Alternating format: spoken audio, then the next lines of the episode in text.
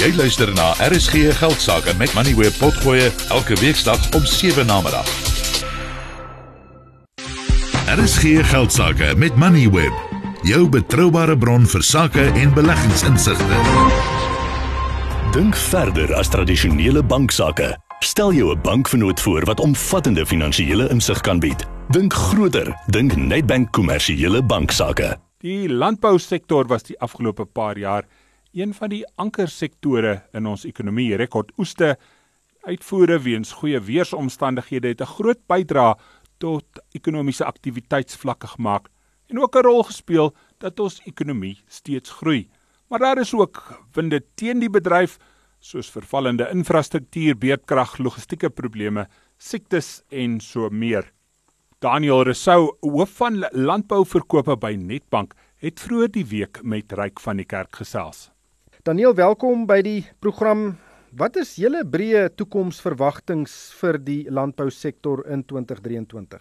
Ja, ek dink 'n mens moet dan eers net gaan kyk na die geskiedenis en ons kom uit drie ongelooflike moeilike jare uit, veral wat ons uitvoere aanbetref en dan natuurlik die probleme wat ons gehad het met rondom infrastruktuur en alles wat daar rondom geïmpakteer het om ons vrugte en ons hoëwaarde landboubedrywe land uit te kry. Ons het nou nog nie die vierde kwartaal se handelssyfers gesien nie, maar as ons nog net byvoorbeeld gaan kyk na die derde kwartaal, het ons eintlik nie te vrot gedoen in 2022 nie. Die totale landbouuitvoere in die derde kwartaal was iets soos 3,7 miljard Amerikaanse dollar. Dit is 10% jaar op jaar. Maar nou moet ek ook daarom sê ek dink ons groot probleme het daarna gekom in die 4de kwartaal en nou ook in die 1ste kwartaal van 2023.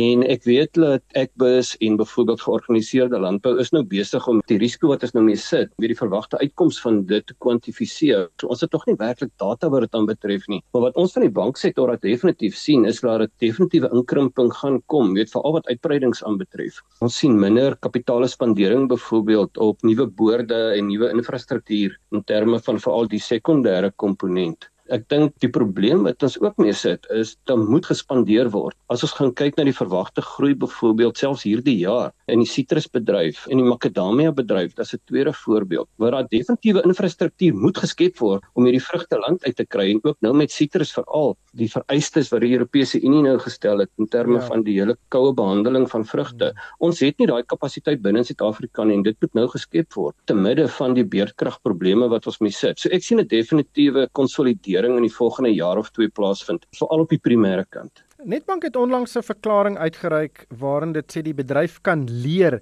uit die uitdagings wat voor die bedryf se deur lê en dan ook vroegtydig langtermyn oplossings formuleer om nou dit in die toekoms te vermy. Wat presies bedoel julle daarmee?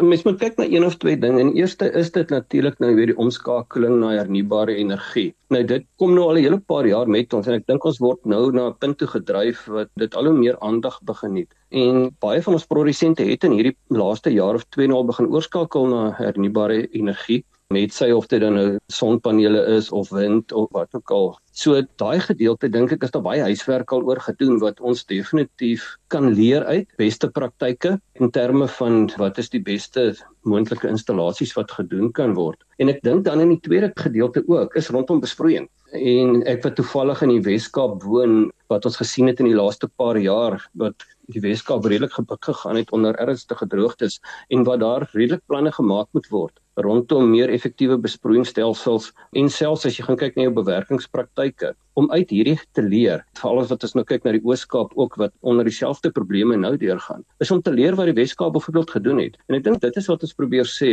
ons ons moet gaan leer wat plaasgevind het in die laaste paar jaar en hoe gaan ons dit dan vorentoe neem. Weet wat gebeur het in die Weskaap byvoorbeeld veral met besproeiing het dit 'n heel nuwe dimensie gebring laer water gebruik, meer effektiewe besproeiingsstelsels wat op die langtermyn vir ons baie meer gaan beteken. So dit klink vir my boere moet beleggings in hulle besighede maak om hulle nou te verskans teen probleme wat ontstaan het en dalk net erger gaan word in die toekoms. Is dit 'n belegging net in tegnologie en werkswyses waarop boere moet konsentreer? Ja, ek weet ons is nou in die midde van die 4de industriële revolusie ook.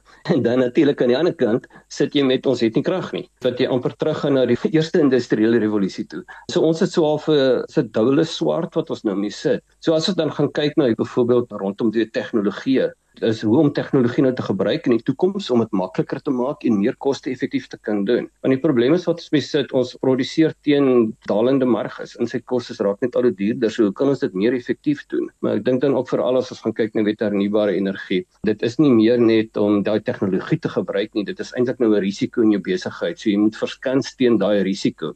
Nou ons weet ook dit kom teen 'n sekere koste en ek dink dan om te gaan kyk, jy weet wat is beskikbaar. Miskien as ons gaan kyk na finansieringsopsies wat beskikbaar is om dit so koste-effektief as moontlik te doen. Met ander woorde om daai kontantvloei impak in jou besigheid so sag as moontlik te kan doen. Ja, maar nie alle boere is megaboere nie, want die goed is duur. En veral jou middel en kleiner boere kan nie altyd hierdie produkte bekostig nie. Is daar oplossings vir die laer deel van die mark as ek dit nou so kan noem beskikbaar? Dit is regtig 'n moeilike situasie wat jy mee sit want selfs al kyk jy net na byvoorbeeld sonpanele en sonkrag deesdae beteken dit niks as jy nie rigsteen batterye gebruik. Dit kos presies dieselfde as net om 'n sonpaneelstelsel op te sit. En dan natuurlik nog gaan na kragopwekkers ook om daai impak van weerkrag te versag. So dit is regtig nie 'n maklike oplossing as ons spesifiek rondom dit moet praat nie. Maar daar is opsies in die mark beskikbaar byvoorbeeld deur hernubare energiestelsels te huur. Ek dink daar word nogal redelik baie werk gedoen rondom dit. Met ander woorde om nie self baie kapitaal te spandeer van dag 1 af nie, maar dit amper dan te hanteer soos wat jy maandelikse elektrisiteitsrekening betaal. Maar ek dink as jy begin kyk na weet wat moontlike oplossings dan kan wees, jy moet investeer. Ek dink dit is onafwendbaar. Maar die vraag is hoe jy dit doen en hoeveel huiswerk jy doen rondom dit. Want ewe skielik is daar 'n magdom nuwe installeerders wat op die mark gekom het en dit is dis regtig 'n mynveld om die beste te kies. So ek dink 'n ou moet jou huiswerk ongelooflik goed doen en dan natuurlik weer daai proaktiewe gesprekke met jou finansierders om die regte finansieringsstrukture vir jouself in plek te kan sit, juis om daai kontantvloei impak so ver as moontlik te kan versag. Ons hulle daarmee los. Daniel, dankie vir jou tyd vanaand. Dit was Daniel Rousseau. Hy is Netbank se hoof van landbouverkope. Die program is aangebied deur Nedbank Kommersiële Banksaake. Die vennoot wat groter dink sodat jou besigheid kan groei. Vir meer inligting, besoek nedbank.co.za. Dink meer as besigheidsbeplanners. Dink toekomsskeppers. Dink vindingryke oplossings saam met omvattende kennis van jou besigheid. Dink meer as 'n bank. Dink groei vennote. Dink 'n span gespesialiseerde kenners wat jou help om vinnige finansiële besluite te neem. Dink meer as 'n bankvernoot, dink bedryfskenners. Dink 'n strategiese vennootskap wat broodnodige advies gee. Dink groter vir jou besigheid. Dink Nedbank Kommersiële Banksaake. Vir meer inligting, besoek nedbank.co.za. See money differently. Nedbank Ons is 'n gelisensieerde FDV en geregistreerde kredietverskaffer. Jy het geluister na RSG Geldsaake met Money where potgoe elke weeksdag om 7 na middag. Vir meer Money where potgoe, besoek moneyweb.co.za of laai die toepassing af en volg Moneyweb News om dagliks op hoogte te bly.